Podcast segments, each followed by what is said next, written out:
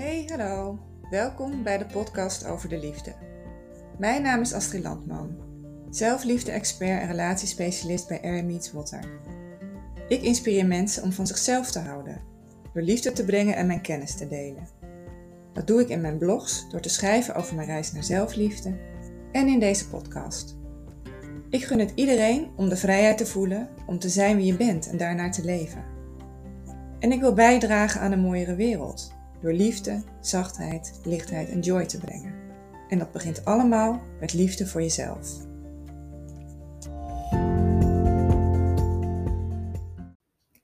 Welkom bij een nieuwe aflevering van de podcast over de liefde van Air Meets Water.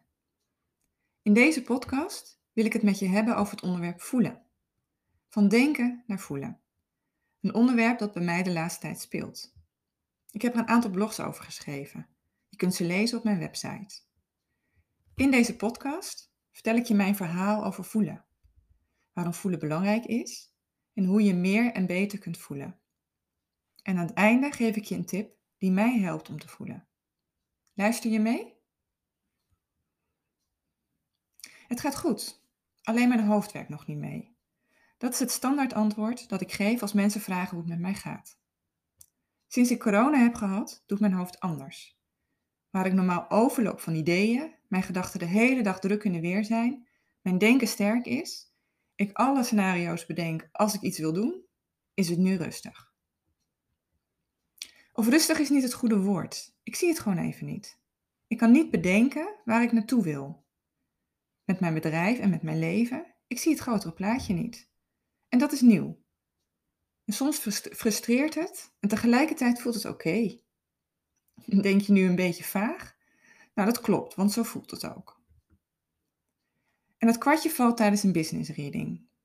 Vraag je jezelf nu af, wat is dat, een business reading? Ik leg je het uit en hoe ik het ervaar. Alles is energie. Je hebt een fysiek lichaam en een energetisch lichaam. Beide zijn altijd met elkaar verbonden. Je fysieke lichaam is tastbaar. Je kunt het aanraken, voelen, ruiken, zien, horen en proeven. Je energetisch lichaam zijn de energiestromen die er zijn in je lichaam. Denk aan je aura's en je chakra's. Deze zijn voor veel mensen niet zichtbaar. Maar er zijn mensen die energie kunnen lezen. En in een business reading krijg je inzicht in hoe jij energetisch gezien in je bedrijf staat. Uiteraard kun je ook een reading doen op jouw persoonlijk leven. En ik geloof in een holistische benadering van het leven. En pas dit in mijn persoonlijke ontwikkeling en in mijn reis naar zelfliefde, de reis naar wie ik echt ben, met liefde toe. Zweverig? Voor mij niet. In mijn waarheid is er meer in de wereld dan je kunt waarnemen. Er kunnen dingen in je onbewuste meespelen die je belemmeren in je werk of in je leven. Of dat, er juist, of dat er juist talenten zijn waar je je niet van bewust bent en die jou in je kracht kunnen zetten. Het onbewuste deel van jou waar je niet bij kunt komen met praten. En waarbij juist een reading je kan helpen inzicht te krijgen, waardoor je weer praktische stappen kunt zetten. Ik ervaar dat ik door de inzichten uit reading steeds meer voel wie ik echt ben. Ik sta steeds meer op mijn eigen grond. En vanuit daaruit maak ik keuzes in de stappen die ik zet. En voel ik vertrouwen. En zo is het heel down to earth voor mij. Dit is in het kort hoe ik er naar kijk. Uiteraard kan jouw waarheid een andere zijn. Dat is helemaal oké. Zo heeft iedereen zijn eigen waarheid en kijk op het leven. En die mogen naast elkaar bestaan. Goed, tot zover het energetische uitstapje. Er viel dus een kwartje van mij tijdens de reading. Je loopt met je hoofd in de mist en de rest van je lichaam doet het gewoon. Dat is het eerste wat mij verteld wordt.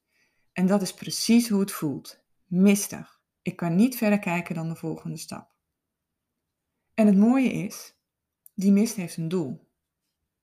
Vorig jaar heb ik voor mezelf een intentie gezet dat ik de beweging volg waar ik joy voel. En een intentie dat ik in contact sta met wat ik wil. Deze wens heb ik het universum ingestuurd. En het mooie is dat het universum het dan voor je regelt, maar vaak niet op een manier die je zelf bedenkt. Om joy te voelen en in contact te staan met wat ik voel, met wat ik wil, moet ik voelen. Mezelf overgeven aan mijn gevoel. Vertrouwen op mijn intuïtie en luisteren naar mijn hart. En de enige plek waar dat kan, is in mijn lichaam, niet in mijn hoofd. En wat was nu het geval? Mijn ratio staat altijd aan. Mijn ratio is zo sterk dat ik vaak niet kan voelen. Het gaat een beetje zo. Ik krijg een idee dat mij een blij gevoel geeft. Dan wil ik het gaan uitwerken, maar dan geven mijn gedachten vervolgens allerlei argumenten om het niet te doen. En dan ben ik weer weg bij mijn gevoel, zit ik in mijn hoofd en heb ik het idee dat het idee toch niet zo'n goed idee is. Dus het doen blijft achterwege. En dat wil ik niet meer. Ik wil mijn gevoel volgen in mijn werk en in mijn leven, omdat het een innerlijk weten is dat dat de weg is voor mij. Die beslissing heb ik vorig jaar genomen. En toen kreeg ik corona en ontstond de mist in mijn hoofd. Mijn ratio is uitgezet en dat is de gift van corona. Want door de mist in mijn hoofd wordt het weggetje naar mijn gevoel geplaveid. Dus die mist heeft een doel. Ik kan nu gewoonweg niet bedenken wat de volgende stap is, want het is vol in mijn hoofd. En ik vertrouw erop dat het goed komt. Ik geef me eraan over. Ik vertrouw op mijn gevoel. Ik zie de mist als een cadeau. Ik geef me eraan over uit liefde voor mezelf. En dat doe ik ook. Ik maak stapjes waar ik een blij gevoel van krijg. En vanuit daaruit maak ik de volgende stap. In plaats van te kijken naar het eindpunt. Ik daar dan naartoe werk en vergeet te genieten van de weg ernaartoe. Want zo ging het de afgelopen jaren en daar werd ik niet blij van. Een mooi voorbeeld van voelen en doen kwam kort geleden voorbij.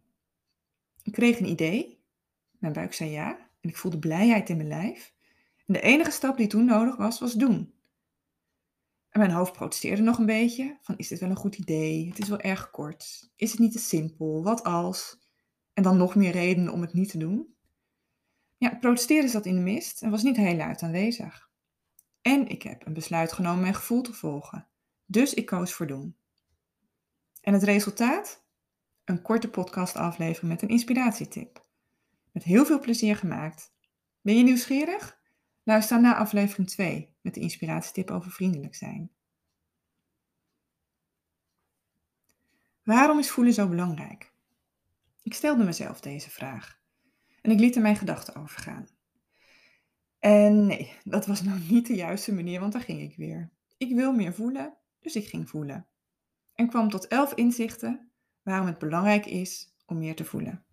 En ik wil ze graag met je delen. Inzicht 1. Met voelen word je geboren. Het denken is je aangeleerd. Voelen heb je van nature. Daar hoef je niets voor te doen. Het is je betrouwbaarste instrument dat je hebt. Het is er altijd. En het klopt altijd. Vanuit voelen creëer je je leven. Het is alleen ondergesneeuwd door denken. Het enige wat je moet doen is die sneeuw ervan afhalen. Het tweede inzicht. Voelen is je kompas. Het geeft je de antwoorden op de vragen van het leven. Wat wil mijn hart? Wie ben ik werkelijk? En hoe ziet mijn leven eruit als ik leef zoals ik het wil? De antwoorden vind je alleen in jezelf. Door naar binnen te gaan, door te voelen. Je krijgt ze niet door wat anderen zeggen of vinden. Dat zegt iets over de ander, niet over jou. Nummer 3. Voelen legt de basis in hoe we met elkaar omgaan. Als je zelf kunt voelen, kun je ook beter begrijpen wat de ander voelt. De vierde. Voelen is subtiel. Je doet het automatisch. Het kan je niet bedriegen en niet voor de gek houden. Je hoofd houdt je voor de gek. Die kan je verhalen vertellen die niet waar zijn. Je gevoel vertelt je altijd de waarheid. De vijfde reden.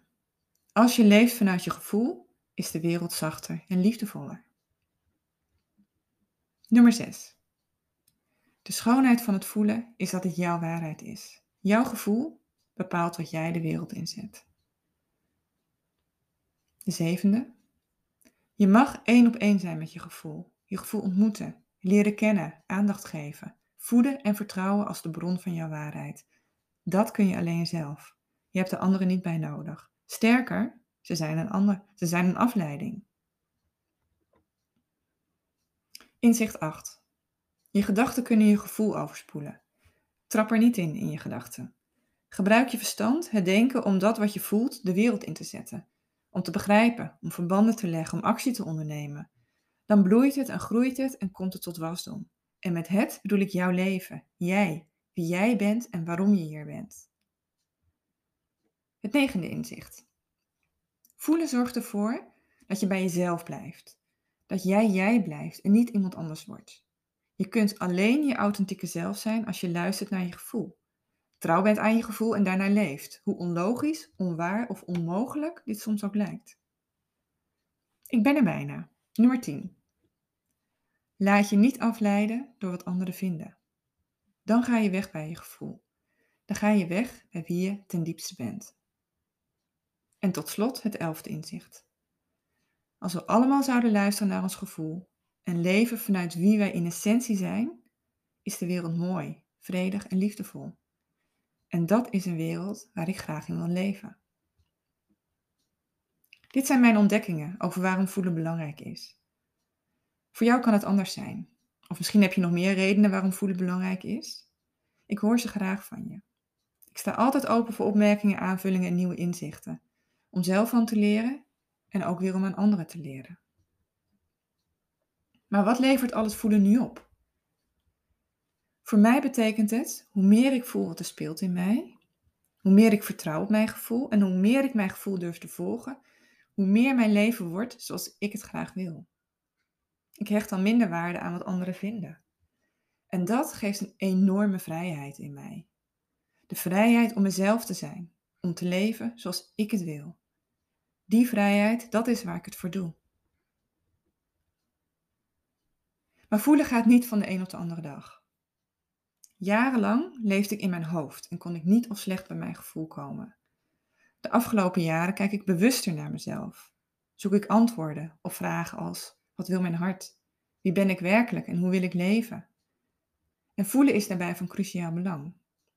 En in mijn reis naar zelfliefde leer ik steeds meer en beter voelen. Stapje voor stapje. En blijven oefenen. En dat laatste kan nog wel eens een uitdaging zijn. En natuurlijk is het niet zo dat je ratio niet belangrijk is. Het zorgt ervoor dat je dingen begrijpt, dat je verbanden kunt leggen, dat je de goede actie onderneemt. Maar het gaat om de juiste balans vinden tussen je ratio en je gevoel. Hoe kun je nu meer en beter voelen? Voelen kun je op verschillende niveaus. Je kunt voelen met je lichaam door letterlijk aan te raken. Je kunt emoties voelen in je lichaam of je omgeving voelen, de energie voelen. Misschien herken je het wel eens dat je na een afspraak met iemand uitgeput voelt. Of dat je helemaal leeg bent. Of dat je een kamer binnenkomt waar een gespannen, gespannen sfeer hangt. Dat alles heeft te maken met de energie die je voelt. Het gaat allemaal om jouw gevoel. En ik noem een aantal manieren uit mijn eigen ervaring hoe je meer en beter kunt voelen. Als eerste is het contact maken met jezelf belangrijk. Zoek het gezelschap op met jezelf.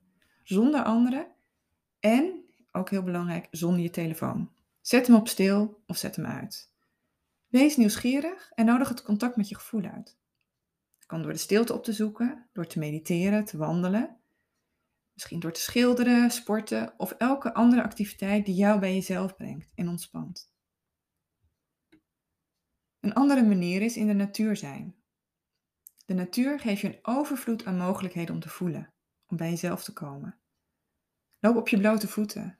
Voel de grond onder je voeten. Ruik de geur van gras of de bloemen. Voel de zon op je lichaam of de regen of de wind die door je haren waait. Voel de energie van de volle maan. Hoor de vogeltjes fluiten. Neem de natuur niet als vanzelfsprekend aan. Bewonder het en dompel je erin onder.